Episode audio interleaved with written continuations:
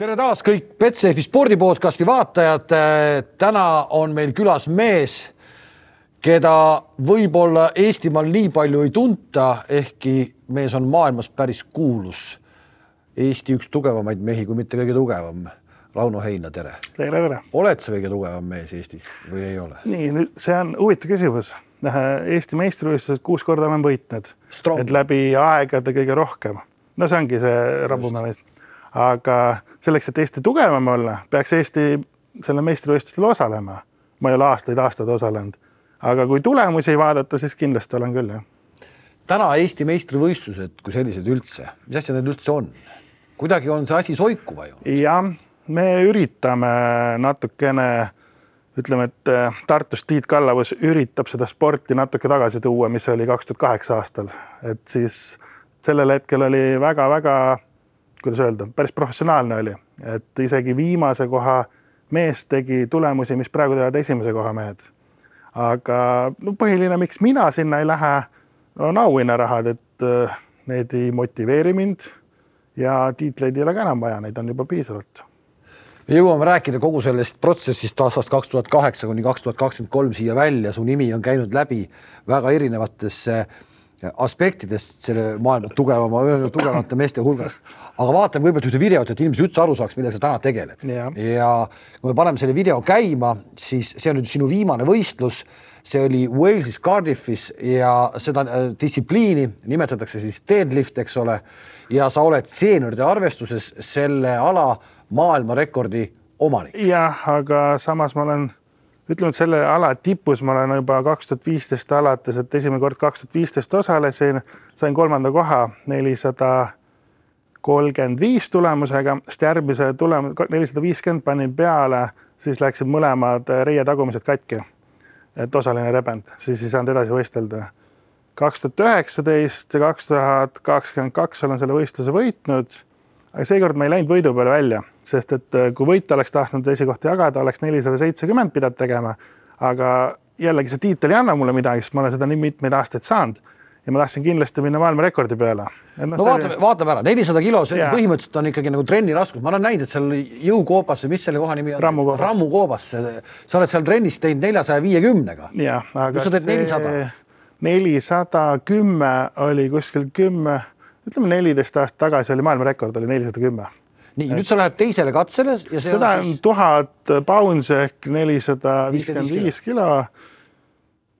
seal hetkel tundus ta kõik nii lihtne, ma olin noh, ütleme ära, miks, miks oleks võinud parem olla, et nädal aega enne jäin haigeks ja palavik oli ikka ka võistluste ajal, et väga-väga valel ajal nagu tuli see haigus peale, et aga see raskus seal tundus küll nagu mitte midagi nelisada viiskümmend viis, me näeme selle ka ära.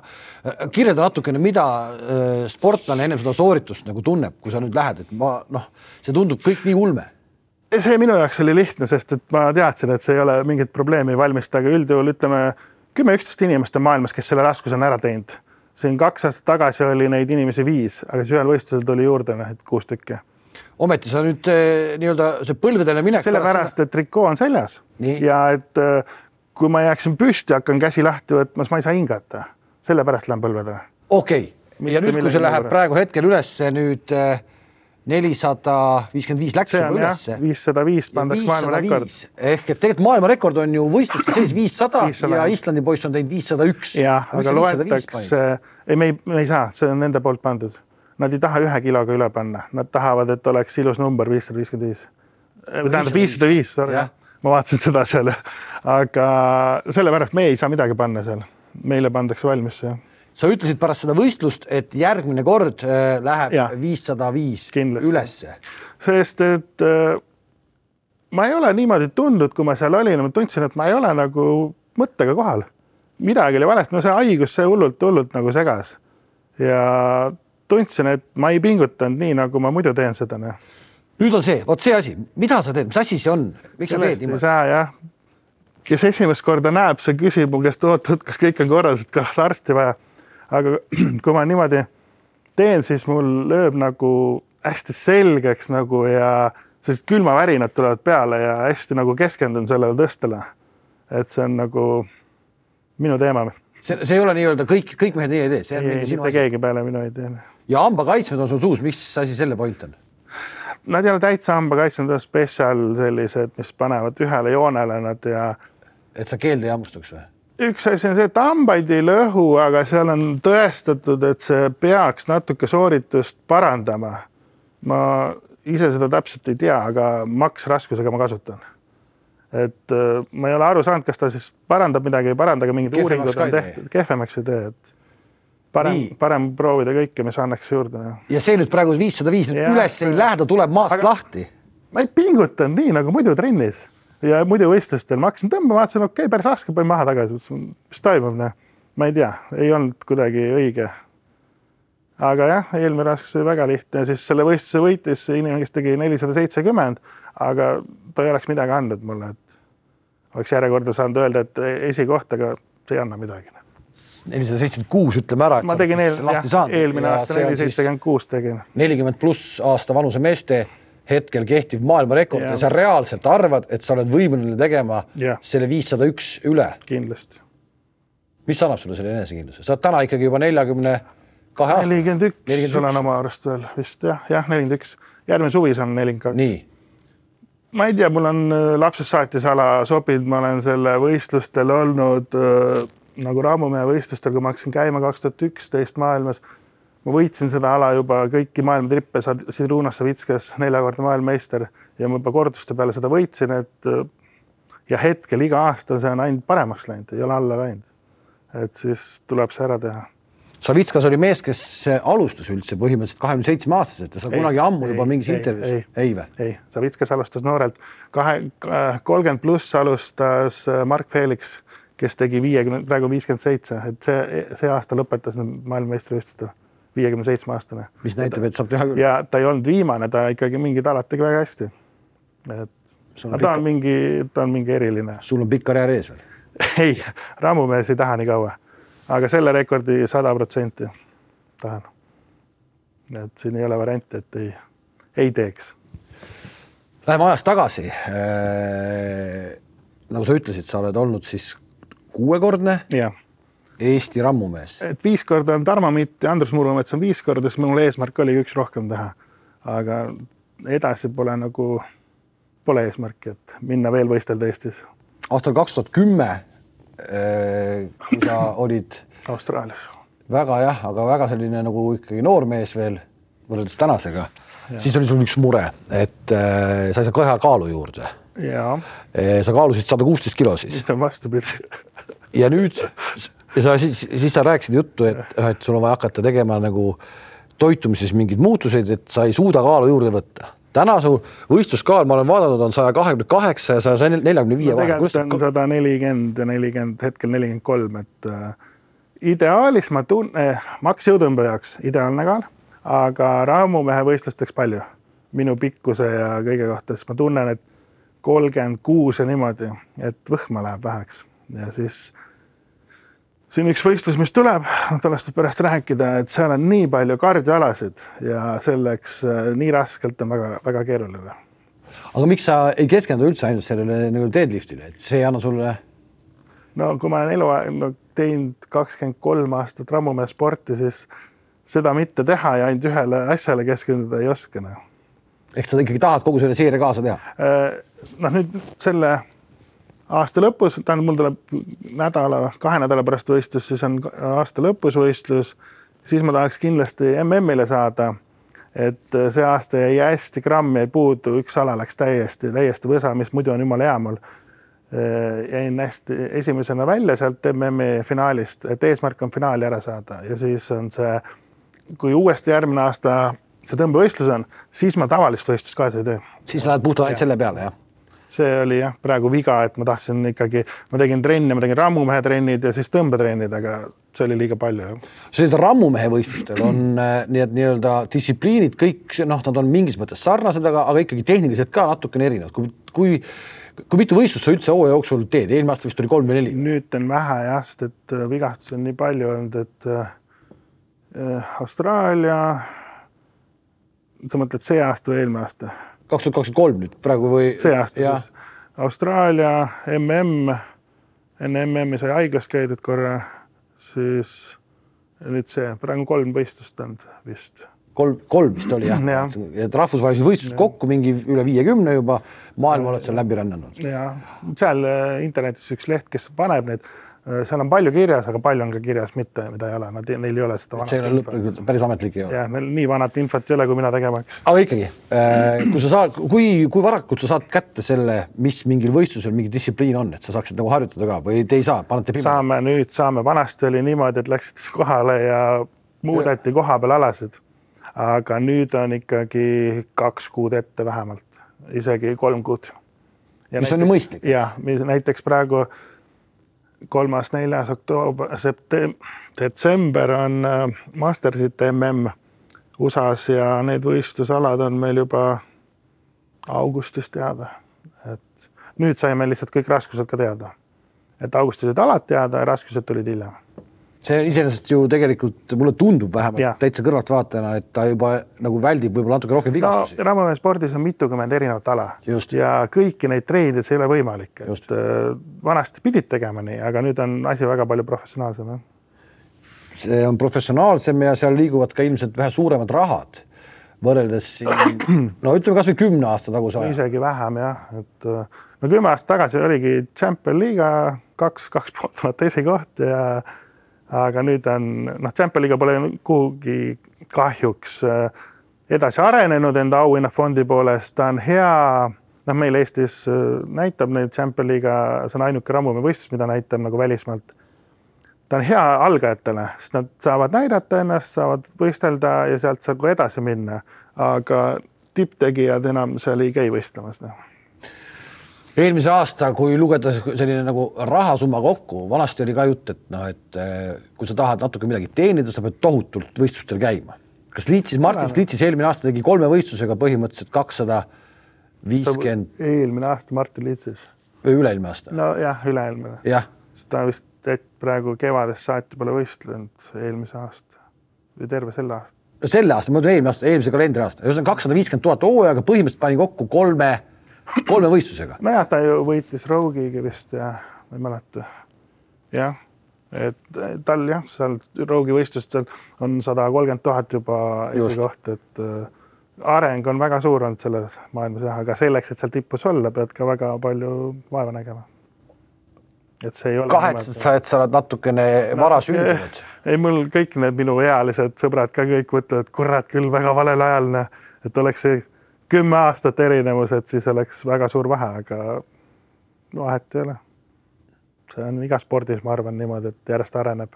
aga kuidas sa paned oma eelarve kokku, ütleme see kakssada viiskümmend tuhat, vaadates, et kus kohas võistlused toimuvad ja kõik see mm., kuidas sa selleks valmistuma peab ja ütleme, et ega see kakssada viiskümmend tuhat vist nagu päriselt terve hooaja eelarvet isegi võib-olla ära ei kata või katab või?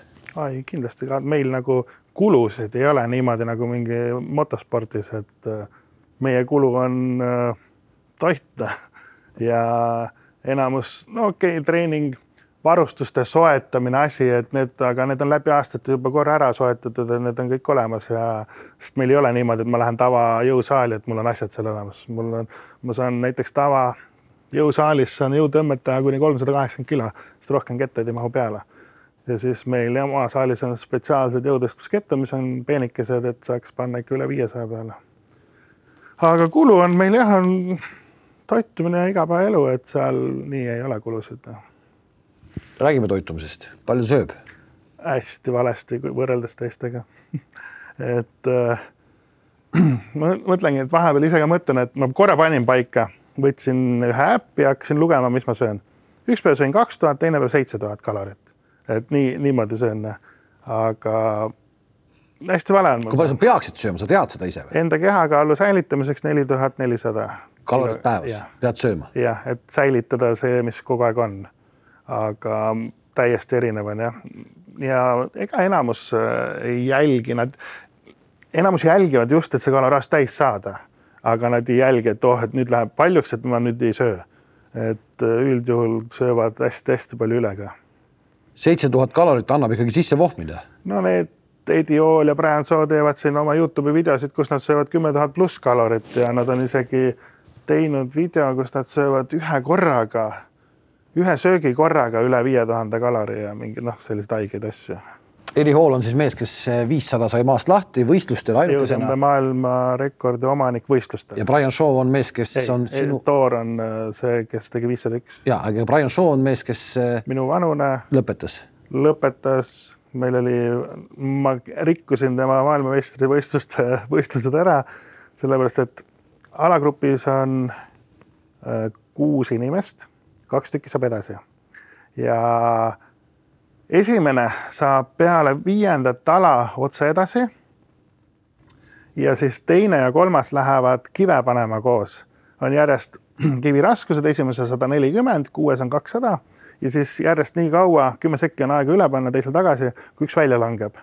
ja noh, Brian Soo on varem ka pidanud seda tegema, aga siis ta ei pidanud isegi viimast kivi tõstma. aga mul on kivi tõstmine väga hea ja me panime viimast kivi veel kuus korda et ta oli täiesti väsinud ja finaalis, ma ei tea, mis ta oli, seitsmes, kaheksas, mis iganes, tal läks hästi kehvasti tänu sellele. sest et ma väsitasin ta päev enne nii ära, et. No vot, taktika, aga lähme selle toitumise juurde tagasi ikkagi, et seitse tuhat kalorit, et eh, mismoodi see päev välja näeb siis? no ma olen inimene, kes ei söö normaalselt liha, ma söön hakklihatooteid ainult, ma ei söö steike, asju. kana põhimõtteliselt ei söö, kala ei söö, merand ei söö, et siis ongi jah, et mida ma söön, aga piimatooteid hästi palju ja hakklihatooteid, noh, teen ise, kokk on, süüa oskan teha. laps kiidab kõvasti, mis ma teen kogu aeg, et üldjuhul on probleem alati, kui ma välismaal lähen sõpradega restorani, siis kõigepealt mina valin restorani, et mul ka süüa oleks. sest et muidu. aga miks sa ei söö neid liha? mul ei maitse. mul peab olema hästi näiteks kasvõi selline, tehakse juldakse potipõhja liha, mis on nagu rebitud liha enam-vähem selline aga mingi steik, mingi keskelt punane ei tule kõne allagi. lihtsalt ei meeldi. ometi sa peaks seda sööma? ei pea, võiks.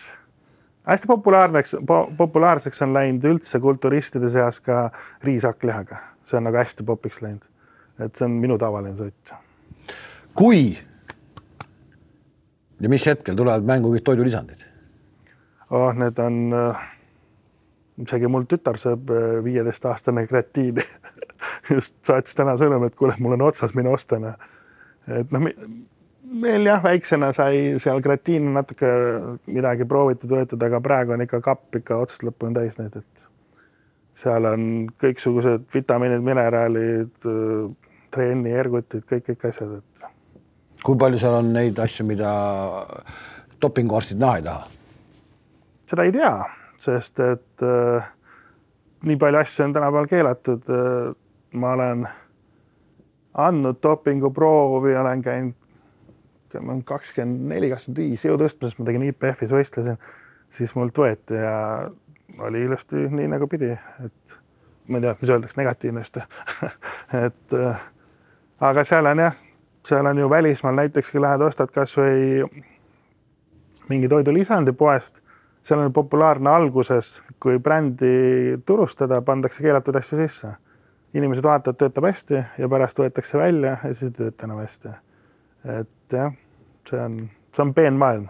see on väga peen maailm ja väga peen. ainuke eelis on see, et meil ei ole mitte midagi keelatud. just, ma tahtsingi sinna jõuda, me ei pea seda varjama, et te, teie alal ei, ei ole keelatud mitte midagi. tehke, mis tahate ja andke minna. ja sellepärast on ka tegelikult need raskused ju ikka täiesti, täiesti ajuvabad. aga see on ka asi, kus ma võin, ma ei hakka täpselt spordialasid nimetama, aga tean täpselt, et hästi palju olümpiaspordialades ikkagi neid lisasid võetakse, et, et. ka neid, mis ei ole ja, lubatud. jah, sest inimpiirid on, kuskil on piirid ees, et ei ole võimalik tõsta neid raskusi. seega, kui väga paljud inimesed arutlevad teemal, et eh, pekki, milleks see dopingujaama kõik on, laske vabaks, las inimesed teevad endaga, mis tahate.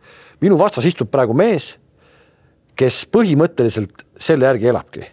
ja ma noh, ma ütlen, et seal mul tutvusringkonnas on inimesed, kes on seotud inimestega, kes seal olümpiaaladel on teinud ja mul on räägitud ka Georgiast seal, kuidas seal tippteadusspordiala inimesed, seal on nii peeneks aetud, et seal on oma arstid, oma proovide võtjad, asjad, et mitte vahele jääda, aga kasutatakse igal pool ja aga kuhu me jõuame, äh, mis on halba on näiteks testosteroonil? Pluss nelikümmend mehed saavad USA-s retseptiga, arst kirjutab testosterooni, et oma keha toodab vähem ja võetakse juurde, et oleks parem elukvaliteet. et noh, kelle. Teevad sporti. ja, ja ei, aga ma räägingi, et tavainimese jaoks on doping on selline asi nagu mõeldakse, et issand jumal, kui jube asi on ju, aga tegelikult see on ju dopingu näiteks, need mingid asjad on mõeldud välja selle jaoks, kes on inimesed haiglas, näiteks vähihaiged, et nad saaks lihasmassi juurde. et see ongi doping. see on ka jube äri tegelikult. ja me ei saa üle ega ümber sellest, et palju sellest möödas juba on, päris mitu aastat, kaheksa aastat või? vähemalt jah. kui Tallinna Sadamas oli ja. sinu autos kaheksa, kaheksa kuni kümme tuhat ampulli. midagi oli jah. no. kust said selle kraami? valed tutvused, valed eesmärgid. et mõtlesin jah, et korraks nagu teha mingi kõrval väike asi, et saada lisaraha, aga samas tagantjärgi mõtlema hakata, mis see summa oleks olnud, mis selle eest saanud oleks, see oli kõik nii mõttetu, et äh, see rikkus ära mul aastateks äh, maailmameistrivõistluste osalemise.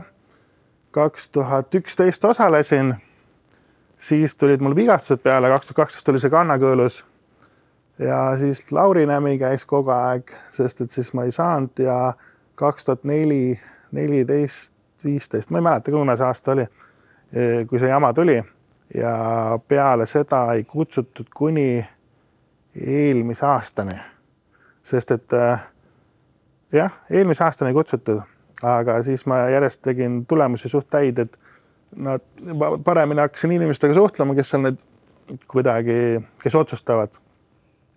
ja siis lõpuks eelmine aasta sain esimest korda kutse üle, noh, teist korda siis elus ja vahetult enne tuli mul äh, haigus, millega tead üldse ellu jäin. mingi. see oli? kõritoru põletik, aga ma tegin trennis. no mul on selline asi nagu klapp, mis iganes söögiklapp ei tööta, onju, et kui ma ei tohi süüa õhtu enne magamaminekut ja ma ei tohi öösel süüa, aga ma teen seda kogu aeg. ja siis tekkis kõritoru põletik, sest söök tuleb kuidagi tagasi või maamahlad ja tegin seda Silver Dollar deadlift'i saalis mingi viissada kuuskümmend kilo. ja see on nagu kõrgem jõutõmme. ühesõnaga, kes tahab, leiab selle videod üles, see on selline nagu kõrge, suuremad kettad. Nagu. nojah, ta oli kastidega, nad on veel, veel eraldi, noh, see suuremate ketestega inch ja, ja siis noh, põhimõtteliselt kõrgem jõutõmme. see vajutas nii hullu sellise survesega kõhtu, tundsin, et kuidagi imelik olla, okei okay,, läksin koju ära, öösel hakkasin verd oksendama ja hommikuni välja ja siis lõpuks äh, laps tuli koolist koju ja siis kutsuti kiirabi mulle, sest ma ise ei suutnud enam püstigi tulla ja siis tehti vereülekannet mulle haiglas ja see oli kõik täpselt nädal enne maailmameistrivõistlusi. et siis ei saanud minna. oled sa mõelnud, miks see kõik tuli? no vale toitumine, öösiti aga põhilaks on see, et see, see eelmine aasta kõik oli ära. ja korraks tegin kõik ilusti korda, värgid-särgid, see aasta uuesti ja vahetult üks päev enne Euroopa meistrivõistlusi ja kaks nädalat maailmameistrivõistlusi. sama asi, aga natuke teisel kujul, üks teine, no sama teemaga. ja öösel hakkas ka iiveldama, oksendama, jõudsin, ise läksin haiglasse, kiirabit ei kutsunud ja registratuurist minestasin ära, järgmine asi ärkasin üles, mingid voolikud asjad küljes, masinad ja ja siis seletati jah, et võib-olla, et kaks kuud olete meil siin ja niimoodi, et, et ikka noh, et väga piiri peal ja mõtlesin kahe nädala pärast ma olen maailmameistrivõistlustel võistlen, siis naerdi välja, aga, aga nii oli. et kahe nädala pärast olin maailmameistrivõistlustel ja miks ka ei olnud sada protsenti minu tulemused oli ka sellepärast, et noh, kaks nädalat enne haiglas ja võtsin üksteist kilo alla kehakaalu. et. no kui me juba läksime. see ei olnud spordiga seoses, see oli toitumine ja see lihtsalt, et see klapp ei tööta ja see, see ei olnud nagu mitte kuidagi üldse seoses minu spordiga. Noh. aga miks see klapp ei tööta, sellele oled sa aru saanud, arstid midagi vastu on andnud või?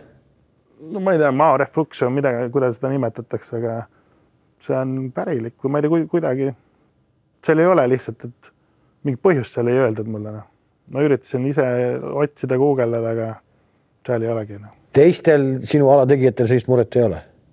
ma ei ole kellegist küsinud, aga see on tavainimestelgi niisama on, kellel ei tööta, et siis ei tohi no ongi, et kui sa sööd enne magamaminekut või öösel sööd, siis äh, tuleb sul seda maavahla üles, kui sa pikali viskad, siis hakkab sul kõritoru või seda söögitoru kõretama ja mis iganes. kõlab päris rõlgelt no,. rõlgeid asju on sinuga juhtunud ka võistluste ajal. me ei saa su kannakõõlust praegu näidata, aga see näeb ka täna veel pärast seda, kui sellest on nüüd möödas, kui palju? üksteist aastat. üksteist aastat. see näeb täna ka päris vastik välja, kogu see, kogu see lugu. siis on sul no neid, ma ei tea, rinnalihaseid ja asju on läinud sul plaks ja plaks, eks? Neid ei ole, noh, mingi operatsioone kokku on kolmteist. kolmteist operatsiooni? jah, on rammumehe spordiga seoses vigastusi, aga ma ei hakka nagu sporti maha tegema, et äh, hästi ohtlik ja niimoodi on, vaid pigem noortele, kes tegema hakkavad, kaasata, kes on varem teinud, kes on professionaal sellel alal, sest et enamus vigastusi, mis tekkinud on, on kõik oma, oma lollus äh, näiteks vee tarbimised, asjad, noh, kui sa võistlustel ainult tavalist vett jood kuskil Austraalias päikse käes, sa ei taha ühtegi mineraali, sa pead jooma endal neid soolaveed, mis iganes mineraalidega, et sa saad neid tagasi. ja siis tekivadki lihasrebestid, kui sa teed suuri raskusi ja noh, oma lollusi on hästi palju, et enamus vigastusi on sealt tulnud, aga jah. kolmteist on olnud, detsembris, nii kui võistlus ära on, lähen kahe põlveopile veel, teen põlved seest puhtaks et saaks veel võistelda. ja ometi sa räägid, et sa täna suurtele auhinnarahadele enam ei pretendeeri.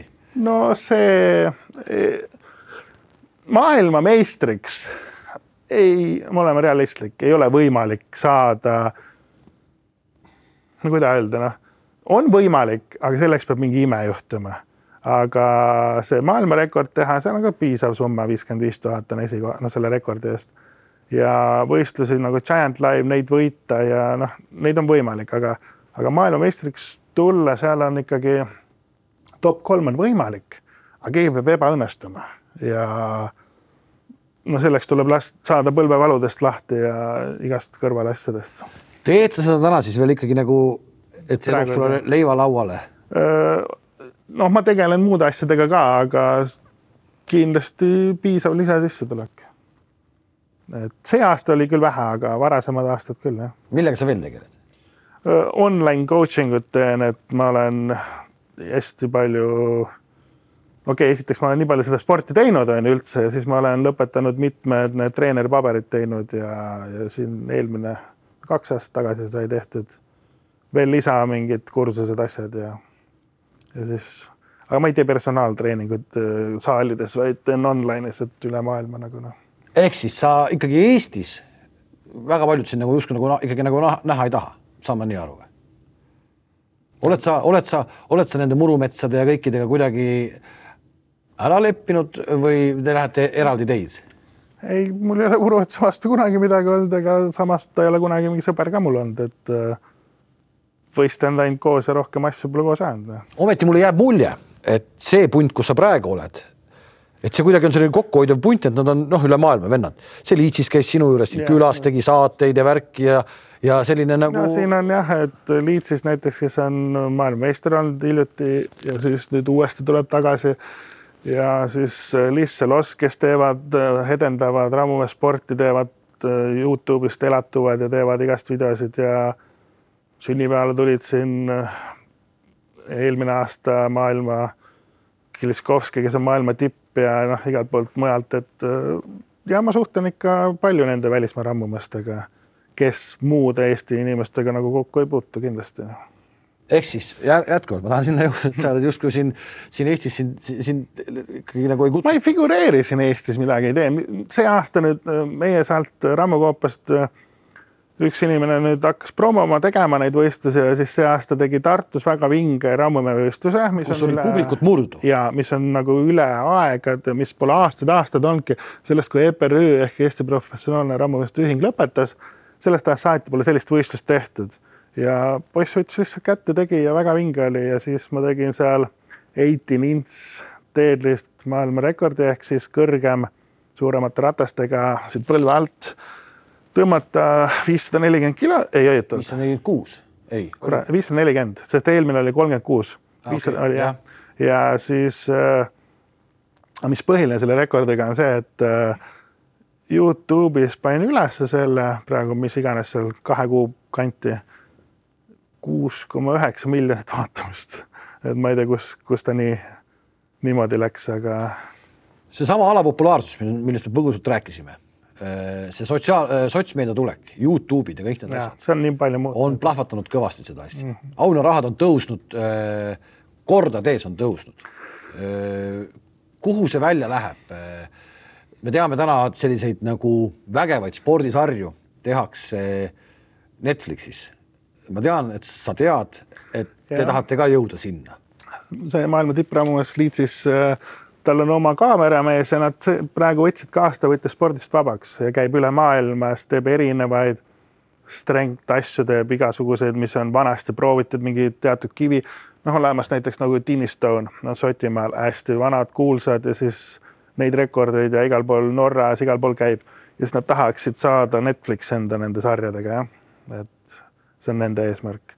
aga muidu see nagu tänu Youtube'ile, Instagramile, noh, kuidas öelda, see ikkagi, inimesed loovad näiteks oma brändid, asjad, siis saad sealt turustama hakata, sealt on näiteks Brian Shaw, konkreetselt on miljonär, et äh, müüb oma tooteid, asju ja see aasta mul endal valmib kohe varsti kah siis netipood ja üritan ka mingeid sporditooteid müüma hakata noh mis seal huvitav ristis on siis?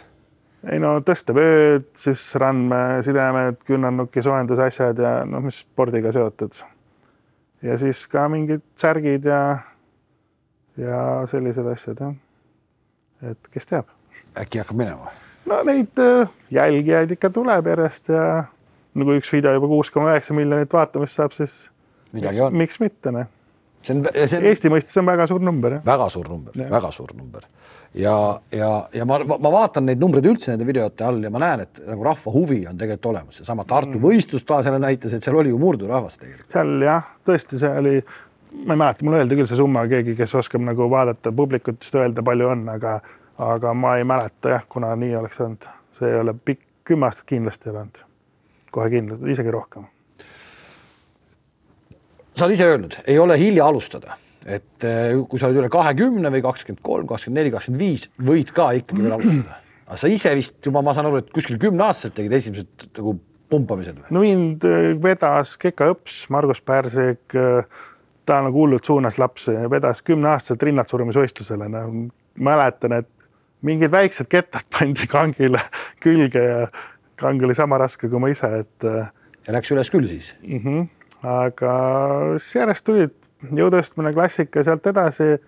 ja siis lõpuks ma vaatasin, et tema käis rammumehe võistlustel ja siis ma vaatasin ka, et milleks seda tavatõstmist teha, okei okay,, nüüd on meil muutunud, vist on äh, ka üle maailma juba saab ka jõutõstmises rahalisi auhindu, kui oled tipus. aga tol hetkel nagu ei teadnud midagi sellest. aga rammuvõistlustel anti kogu aeg igast näini, ma mõtlesin, teen juba seda siis, et noh, samamoodi tõstmine, aga sulle antakse asju.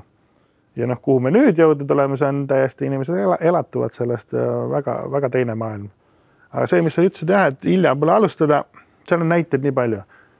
et siin on maailma tipud on täiesti maailmameistriks tulnud kahekümne nelja aastane inimene ja samas on üks täiesti teine näide on Mark Felix, kes alustas kuskil kolmkümmend seitse. Ja nüüd see aasta viiskümmend seitse lõpetas ta nagu selle profispordi, teeb edasi Mastersi, noh, ta teeb mingi eraldi kategoorias seal, ma ei tea, kus, aga aga ta teeb veel edasi ja ei ole hilja aga see on selge, et kui sa oled vanem, peab olema natukene eelistusi ka looduse poolt midagi antud. et ei ole täitsa suvaline inimene. täna, kui palju sa äh, trenni teed, mismoodi mismoodi näeb nagu ütleme, sinu võistlusteks valmistumise äh, treeningplaan välja? iga võistluse jaoks erinev, sellepärast et erinevad alad. et ongi praegu nüüd on neliteist oktoober on Lätis võistlus, seal on suured raskused siis ma veel hoian seda kehakaalu ja teen nagu suuremaid raskusi tõstan, et kardio poolt nii palju ei tee. aga tuleb äh, see Mastersite maailmameistrivõistlused. kõik alad on seotud vastupidamusega, üks ala on nagu, mida pole elus teinud, on väga debiilne või noh, võiks kohe nii öelda. nelikümmend kuus kilo seljakott selga siis võtad, tõstad maast saja kolmekümne kilose palli, viisteist meetrit, jooksed tagasi, sada nelikümmend kuus kilo liivakott, jooksed sinna ära, kelgu peale kolmsada kilo tõmbad tagasi. no ma ei kujuta ette seda, see on peale seda on, no nii surnud oled lihtsalt, et äh, selleks tuleb kardiot teha ja hoopis teistmoodi valmistuda. Et iga võistlus on erinev. no räägi sellest kardio tegemisest, mis. no minu jaoks kardio tegemine on see, kui juba ma lähen trenni, me võtame kolm liivakotti ja teeme aja peale näiteks, et viisteist meetrit jooksed sinna, viskad maha, tuled tagasi. see ongi minu jaoks kardio, mitte niimoodi, et ma lähen nüüd jooksma kuhugi või, või midagi sellist, see ei ole noh. et meie kardio on jah, et äh, minut aega pingutust täis, täis, täis võimsusel. võimsusel, et tõmbab pulsi üles. jah, et seal jooksed raskusega sinna, tagasi ja siis seda mitmeid korra trenni jooksul. Jälgid sa pulssi ja kõiki neid jutte ka või? ei, ei, ei. kui higi on lahti, siis on kardio käib. süda töötab süda töötab. me ei jälgi nii jah, et vastavalt nii kaua taastud, kui sa tunned, et oled ära taastunud ja mitte selle südamelöögi järgi noh. teed sa täna mingi noh, sa oled valmis täna ilmselt mingitele noortele mingeid nagu plaane andma, eks ole. Äh, teed sa ise mingi, mingite nagu kellegi plaanide järgi või kõik see, mis nagu ajapikku endale on tulnud selle? ise ei ole kunagi, ma ütlengi, et hästi suur vahe on praegu inimestel alustada ja siis, kui mina alustasin, ma ei teadnud mitte kedagi, mitte midagi. see kekaõps, kes oli, rammumees tegi, otsisime kuskilt põllu pealt niisugused suvakivid saali taha, vahepeal tõstsime neid, varustust ei olnud mitte midagi olnud ja noh, see, mis võimalused praegu on, näiteks meil Rammu koopas on kõiki alasid saab teha, saame kotiviset tehagi viie meetri kõrgusele ja see on nagu noh, tõesti kõik on olemas inimestel, ainult mine otsi endale kogenenud inimene. see annab hästi palju juurde, sulle seletatakse tehnika ära see on number üks, sest et kui vale tehnikaga teed, sa võid nii palju vigastada ennast.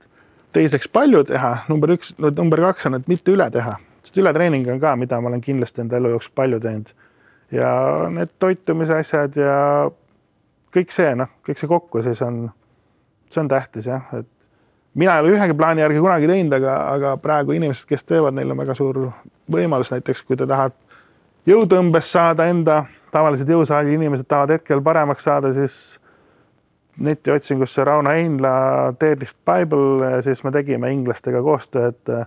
mina tegin selle poole nagu valmis, kuidas treeningkavad, asjad võiks olla, kolmteist nädalat. Siis nemad panid kokku selle inglise keeles kõik ja, ja siis seal on näiteks jõu tõstmise, jõutõmbe algteadmised, kõik, kõik on kirjas seal. aga noortega on plaan Tiit Kallavusel arendada Tartus siin seda noorte poolt. praegu on hästi andekas, üks kaheksateistaastane poiss, sada nelikümmend kilo, minust pikem, suurem et, et neid just suunata, neile näidata, pakkuda võimalusi, see viib neid kõvasti edasi, et oleks endal kunagi sellised võimalused olnud, oleks, ma arvan, et väga palju teised numbrid olnud. see kõlab äh, jätkuvalt, kui sa, see vari on selle juures kogu aeg see, et noh, et see on nagu piirideta tegemine. Äh, ma ei tea, päris suured vastutused, kaheksateistaastane poiss ja, ja, ja hakkab tegema, et äh, kõik on, kuidas hakkad tegema näiteks, et äh, mõistuse piires. et äh, noh, ongi palju noori on see, et tulevad trenni, tahavad iga trenn teha maksimumraskust proovida, uut rekordit. noorena on see võimalik, sest et su keha taastub nii ruttu, sa kasvad, see on kasvuiga veel ja ma mäletan isegi, kui sai mindud jälle pandud tõmbel uus rekord peale, aga need numbrid olid nii väiksed, et noh, võis teha.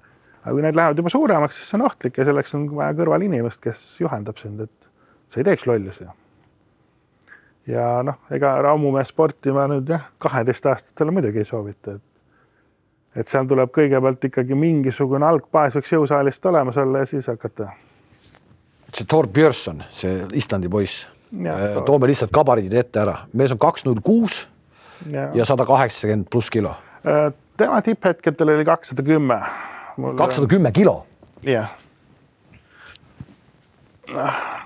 kakssada kümme oli ta kaks tuhat üksteist tuli ta esimene kord võistlema, kui mina ka võistlesin. Äh, siis ma ütlen ette ära, ma olin sada kakskümmend kilo, ma sain toidumürgit, ma olin sada kakskümmend viis, sain toidumürgituse lennukis USA lennates, võtsin viis kilo alla ja noh.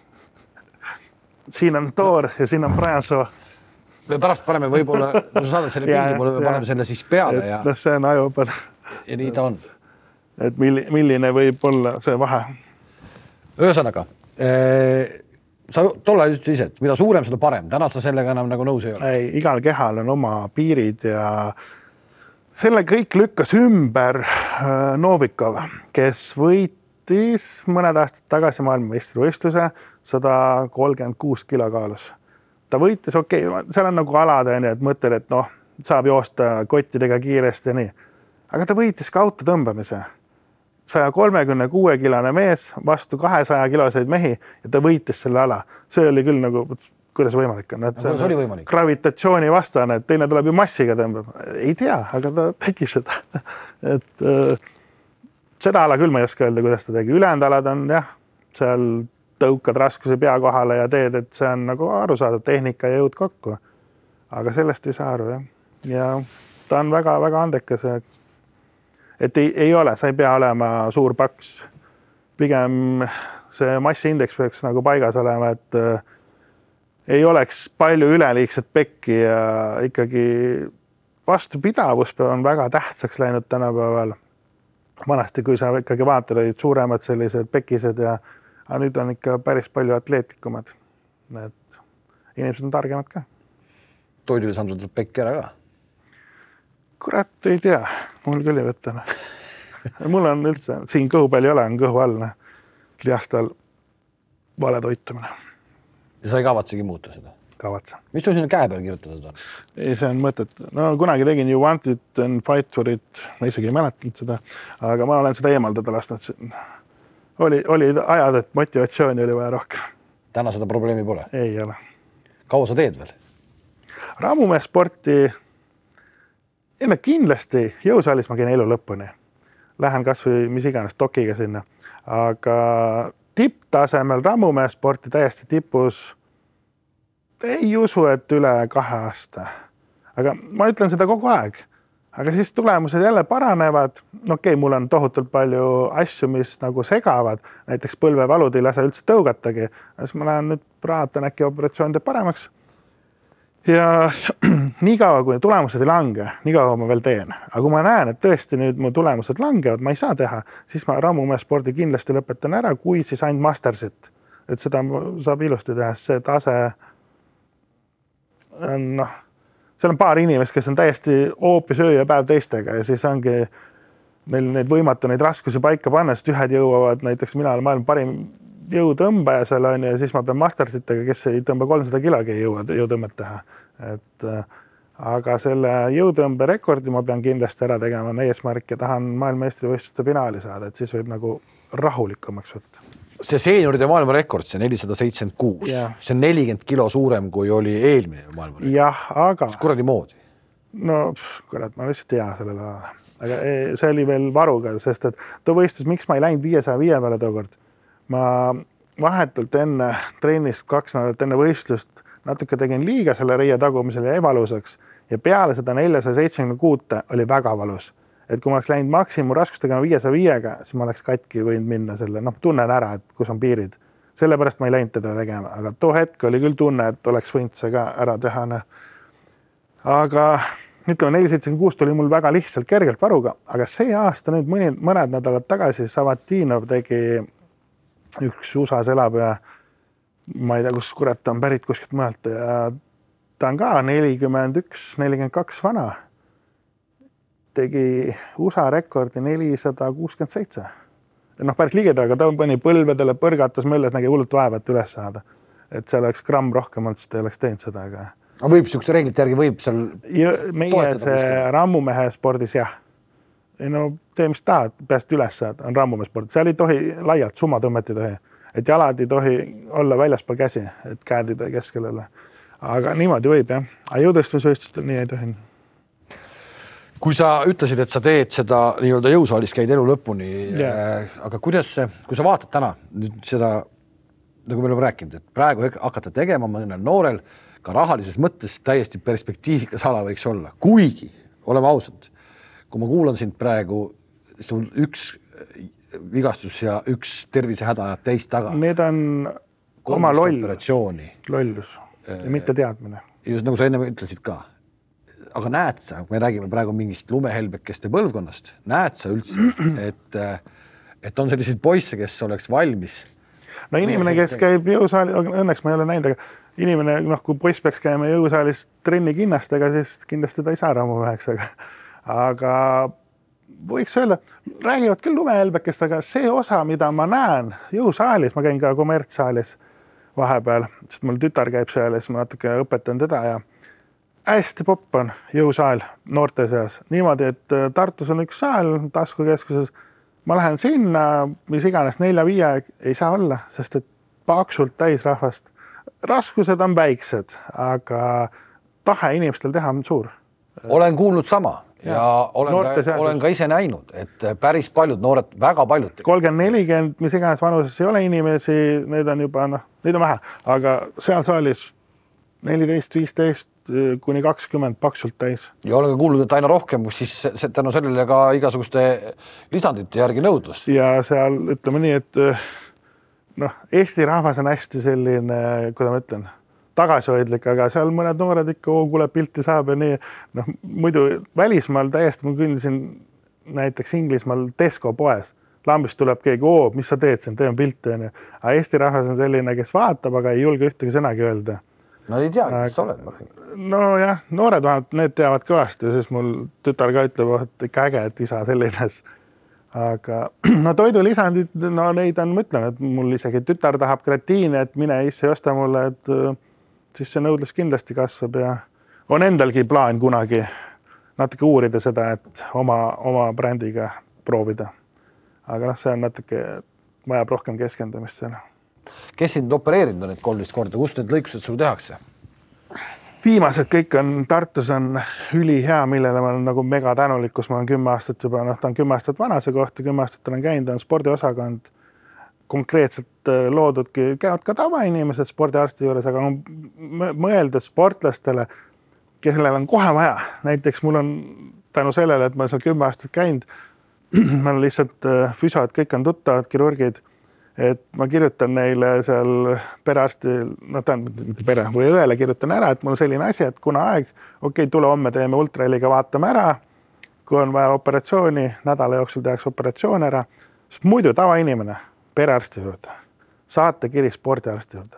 sa jõuad spordiarstile kolm kuud hiljem, aga mida sa enam opereerid, kui sul lihas katki on? traumapunkti lähed näiteks EMO-sse, väga kehvad kogemused. ma lähen ainult sinna sel juhul, kui mul on kuskilt midagi katki, verejooks, et noh, sel juhul on ju. Lähen sinna, tegin kükki kolmsada nelikümmend kilo trennis ja mul oli liiga madalal äh, turvatalad muidu peaks olema nii, kui sinna üheksakümmend kraadi ära lähed, et sealt võiks nii palju allpool kohe turvatalad olla. aga mul olid nii palju allpool ja käis väike lihasrebestus, käis ära tõks. vajusin kohe alla ära, sest noh, kui midagi juhtub, sa ei automaatselt nagu ütled, et pane nüüd maha, lähen alla.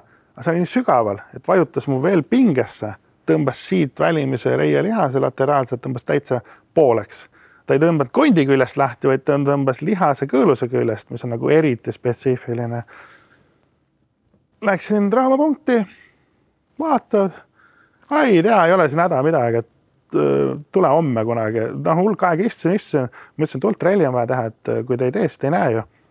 ja vaatame, vaatame, siis ultraheli arst alla öelnud, et äh, ei, me täna ei hakka tulema vaatama. aga ma ütlesin, kui te homme tulen, keegi ei näe, mu jalg on kaks korda suurem, see on paistes, seda ei ole võimalik tuvastada. täpselt nii oligi. Ja siis läks viis päeva aega, enne kui mul oma see Leha Rips, kelle juures ma käin, kellest on ülipalju abi olnud, siis lõpuks nägi ultraheliga, et see lihas on täiesti pooleks ja pani kohe järgmine päevaks opi ajana. et traumapunkt on. Leho on näinud su nii-öelda lihaseid väga-väga-väga lähedalt, et, et mis see nagu endast nagu kujutab, kas sul mõni trenn on selline ka, kus nagu valus ja vastik ei ole? Siis, siis peaks midagi viga olema. Et kui selline trend oleks, üldjuhul on jah, trenni lõpus on hea, siis on juba lihased soojad, aga, aga alustada on jah, igalt poolt on. Tänu, tänu e-, oma lollustele ja mitteteadmistele on ikka jah, väga palju valusaid asju. tavaelus see, et sa süüa mingeid asju ei saa, see, et sa süüa ei tohi mingeid asju, on juba piisavalt suur probleem aga, aga tavaelus, mis, mis sind veel segab nagu? no tänu nendele põlve, no mul on artriidid, põlved on kulunud, et äh, noortele näiteks soovitatakse kohe seda kollageeni asja süüa juba noorest peast, ma ei teadnud sellest mitte midagi. Noh. ja noh, nüüd, nüüd ei ole mul mingit vahet ja siis on kõik need kulunud. neid korralikult korda ei ole võimalik tehagi, sest et kõhresid ei taastata, aga puhastada ja leevendada annab seal, et näiteks kui tahaks lapsega kuskil joosta, ma ei saa joosta. et ma võin võistlustel, noh, see on kehva küll öelda, aga ma lähen võistlustel iga kord, võtan valuvaigistid retsepti omad sisse, enne kui ma lähen võistlema. ja siis, siis teen selle võistluse ära ja siis pärast vaatab, kuidas on. et nalja ei ole enam, aga teen ikka oi-oi-oi, kuidas? no ma olen kaheksa aastat olnud äh, isegi invaliidsuspensionit saanud ja siis äh, tänu sellele kannakõõlusele, mis kunagi läks ja mul tagasi, noh, mul läks kümme senti võeti ära ja tagasi ei pandudki, mul kasvas sinna ise sidekude. aga siis sain, kaheksa aastat sain pensioni. siis, siis öeldi, et nüüd oled terve või? jah, kuigi hästi palju vigasid oli juures, tegin mitu taotlust veel, sest et mul on need kõhred asjad kulunud ja tõesti on nagu treppides kõndimine on väga problemaatiline ja noh, igast muid asju. ja siis öeldi ei, ei, sul noh, ei ole häda midagi. aga kuidas, ma küsisin, kuidas ma terveks saanud olen siis nüüd aga sellele ei vastatud no.. Et seal on jah. samas äh, tituleerida ennast Eesti tugevamaks mm. meheks ja võtta vastu aga... invaliidsuspensioni on ka kuidagi imelik. ja aga vot seal jõutigi sinnani, et nad avastasid, et ma olen tippsportlane. aga ma seletasin ära, kas te saate aru, ma võtan selle võistluste jaoks nüüd on nagu, nagu see aasta on kolm võistlust teinud, ma saaks, saaks rohkem kõvasti teha, aga sellepärast, et mu keha on nii läbi, ma ei saa neid teha. ja ma lähen võistlusele, ma võtan retsepti valuvaigistid sisse, et saaks enam-vähem ära, ära teha, kõiki alasid ei saa perfektselt teha. aga pärast tavaelus, kui ma ei võta igapäevast valuvaigistit, see ei ole üldse sarnanegi, see on hoopis teine, aga no ei tee selgeks neile. et tavaelus, kui peaks, kunagi olen palju ehitustööd teinud, et peaks ehitustööd tegema, siis ma ei saaks neid nii teha, noh, see ei oleks võimalik. kuidas sa taastud, kui sul ütleme, võistlus on läbi see on mega, mega, mega, mis, mis noh, me oleme kõike seda kuulnud. kuidas sa taastud? See, mis aastatega on muutunud, see on ikka jube, sest et kahekümnendates ma tegin niimoodi, et ma tegin laupäeval võistluse, ma tegin pühapäeval teise võistluse otsa, polnud mingeid probleeme. nüüd on niimoodi, et äh, kui ikka kõva-kõva võistlus on ja annad endast nagu viimast, siis järgmine võistlus oleks võimalik teha kuu aja pärast, mitte enne ja järgmine nädal trennis on jumala mõttetud raskused, asjad. suudaks teha suuremaid raskusi, aga see on mõttetu, see on keha tapmine, et no nädal aega taastumist on nagu. ma toon näite, mul on sõber, kolmekümne kuue aastane lätlane, käis Prantsuse võistlusel, kahepäevane võistlus. nädal aega hiljem, ta on kogu aeg Champion League'i, kogu aeg võidab võistlusi, kogu aeg läks sinna, oli neljas, sest ta noh, võimatu on taastuda et kaks nädalat oleks keskeltläbi selline taastumisaeg. see on siis kergete raskustega? noh, trennidega kerget ja, ja. mis see tähendab, räägi, räägi kerge raskus seal.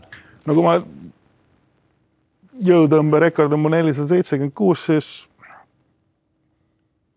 maksimum kolmsada teha trennis, mitte rohkem. mõnusalt lihtsalt kolmesajase kangiga hullata natuke. et ikka väga kergelt ju. väga kergelt jah, väga, väga kergelt Eh, taastumise hulka, sinusugune mees, ma ei tea, see spordiala. Eh, õlut jood sa viis liitrit päevas või kümme? mitte kumbagi, sest et mina ei õlle ei maitse. Noh. ei ole õlleinimene, vahepeal saunas ühe-kaks koroonat, aga mitte. alkoholi ikka tarbin, aga mitte nüüd nii nagu noorena enam, et aastas mõned korrad ja mis iganes viina, rummi. aga ei pakub pinget enam, sest et keha on nii suur, ma võin juua seal liiter viina ühe õhtuga ja siis on kolm päeva halb olla noh. no tantsu ajal ka keerutama ei jäta, onju.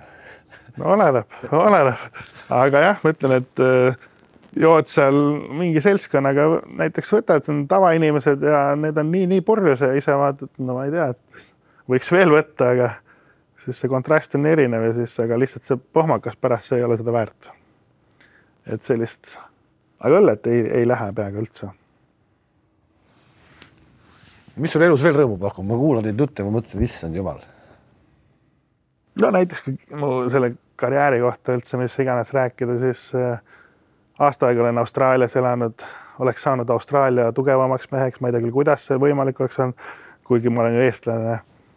olin, seal oli hästi vähe arenenud see, kõigepealt läksin võistlustele, võitsin mingi kolm võistlust ära siis mulle auhindasid ei antud, mulle öeldi, et sa oled profisportlane, et äh, mis iganes pro-kaart või midagi siis meil Eestis ei ole mingit profi keegi. noh, nüüd on hakatud tehtud amatöörsarja, aga varem sel ajal mitte midagi. kõik on samane.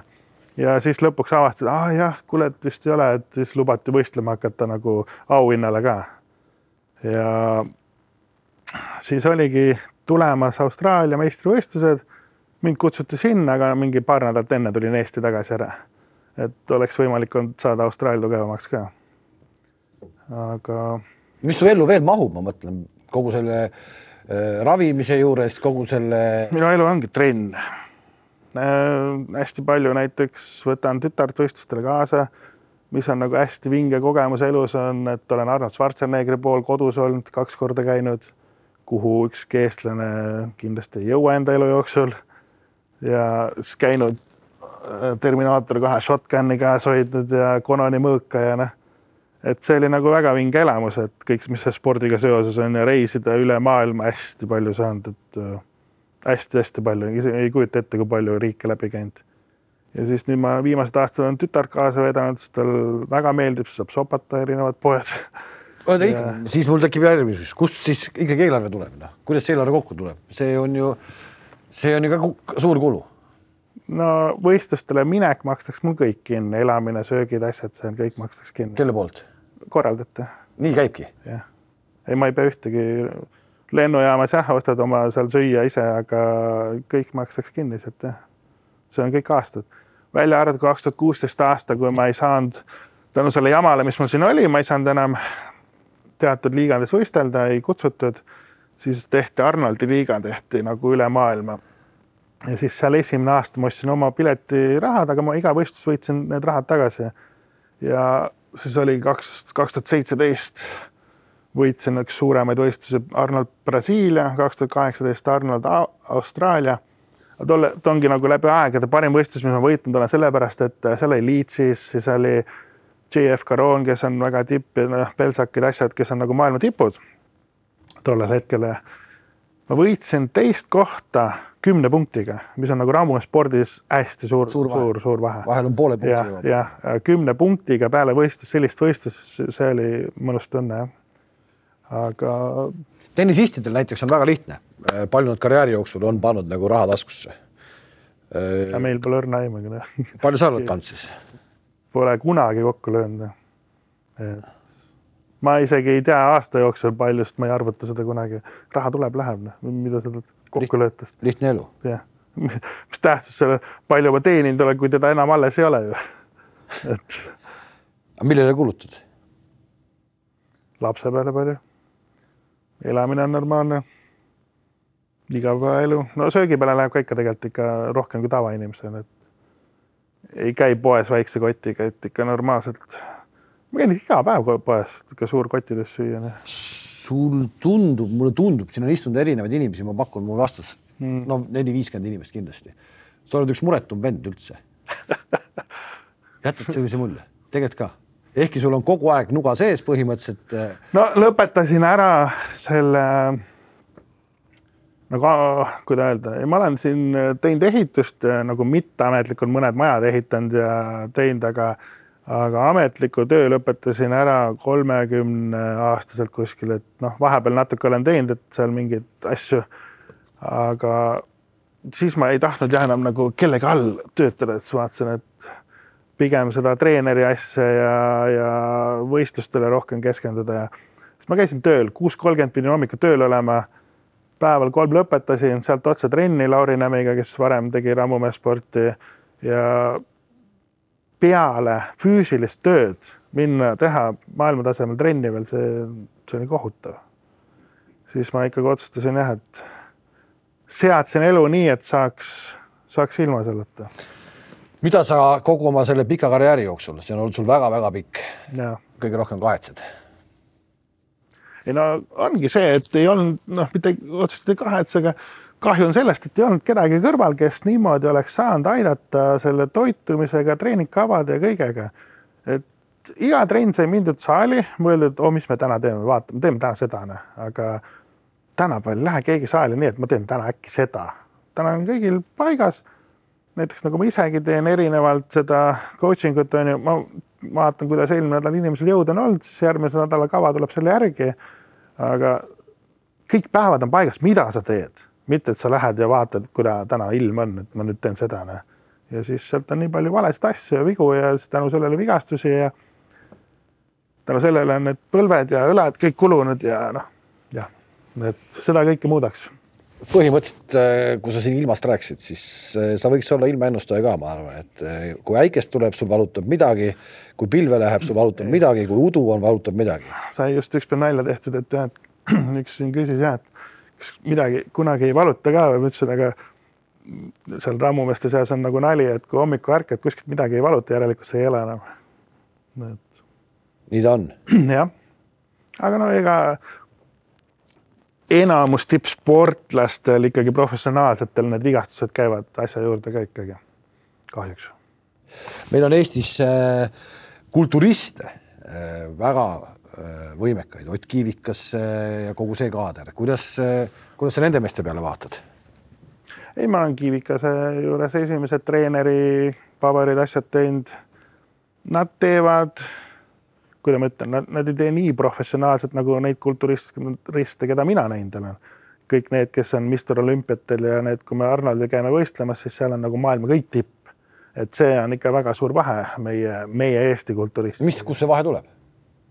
Äh, esiteks Kiivikase, ma neid liigasid kahjuks ei tea, aga tema liiga, kus tema võistles, oli doping oli keelatud aga see, kus seal Arnoldil ja need on, seal on lubatud ja siis need suurused on ikka väga, väga suur erinevus. ei no jaa, aga, aga siis ongi see, aga siis ongi see, et kumb asi see professionaalsem on, kas see, kus sa teed no, ilma dopinguta või see, kus sa teed nagu. selles suhtes ma noh, kui ta võtta professionaalsem, ma ei tea, mis summad seal Kivikase võistlustel olid, aga seal on esikohad nelisada tuhat ja pool miljonit, et noh, siis ta on natuke professionaalsem. aga sa sa keerad ka võib-olla oma tervise ikkagi täielikult äh, jäädavalt tuksi, sa ei saa ju, ma ei, ma ei saa, ma ei, ma ei saa aru, kas sa praegu propageerid seda? ei, ma ei propageeri, ma räägin, et raha. aga see on vaba valik. ja see on Money vaba, see on vaba valik, rahad on teised, summad on teised. ja see kulturismi teema, sellest ma pole kunagi aru saanud, sest ta on ikkagi rammumehe spordis ei ole nüüd, sa ei pea niimoodi neid asju tarbima nagu kulturismis, et ta on vähe, kui seal ma võtan need Mister Olümpiad, siis ma isegi ei kujuta ette, mida need inimesed teevad oma elus. et seal paar näidet on kehvemat näidet, et kahjuks see Koleman eh, maailmal läbi tippu aegade üks suuremaid ja võimsamaid, kes tegi ka selliste raskustega, millega meie teeme. ainuke kulturist, ülejäänud teevad kõik väikestega, mis ma näinud olen. mis see, mis see kole näide oli siis? tema nüüd on enam-vähem ratastooli inimene, aga ma ei tea, mis tal seljaga juhtus. et ta on jah, täiesti invaliidne eluaegne aga ma ei tea, kas on spordiga seoses või mitte, ma ei tea seda. igal juhul tema, temal hästi ei läinud. aga. tütar teeb sul mida, kulturismi või? ei, ei jõusaalis käib lihtsalt äge välja näha, suurem Peppa tänapäeval tüdrukutel ju. seal on, seal on niimoodi, et ma lähen isegi panen treeningkava paika, seletan ära, ei, võetakse TikTok lahti ja keegi teeb seal iga päev näiteks jalaharjutusi mingi mis iganes influencer, et tema Peppu on nii suur ja siis tehakse tolle järgi noh et eh, mis siis, et mul nagu natuke seda treeningalaseid teadmisi nagu on, et võiks ju isa kuulata, aga ei. tehnikat kuulab, kuida teha, aga seda, kui palju asju teha, seda ei kuula. Noh. kas sul omal ajal oli ette määratud, et nüüd on, sa lähed seda teed? Eh, tütar ei tahtnud midagi muud tegema hakata? ei, ei, ma olen alati lubanud lapsel teha trenni, mis ta tahab, aga trenni peab tegema. selline suhtumine ja siis kuus aastat tegi rühmvõimlemist, iluvõimlemist seal, aga see läks nagu nii hulluks äh,. kuus korda nädalas, kolm tundi päevas. see oli nagu no kooli kõrvalt. kõlab ju nagu päris sport. see oli ulme jah. ei, nad tegidki võistlustasemel ja käisid, võistlused olid, aga mis seal head oli, eluks ajaks pani rühi paika, keha on nagu hästi korralik, ilus, no ei käi jalad sisse, pole ka midagi ja selleks oli väga hea, aga samas oli moraalselt hakkas juba päris hulluks läks. kui sa oled nii noor ja sellist tampi saad. mulle tundub, et sul on elus konflikte olnud ka vähemalt sama palju kui, kui operatsioone. piisavalt. parim näide on siin aasta tagasi veel sai McDonaldsisse mindud sööma lapsega üks poiss lasi bemmiga seal ees selline topsi endale aknast välja, noh.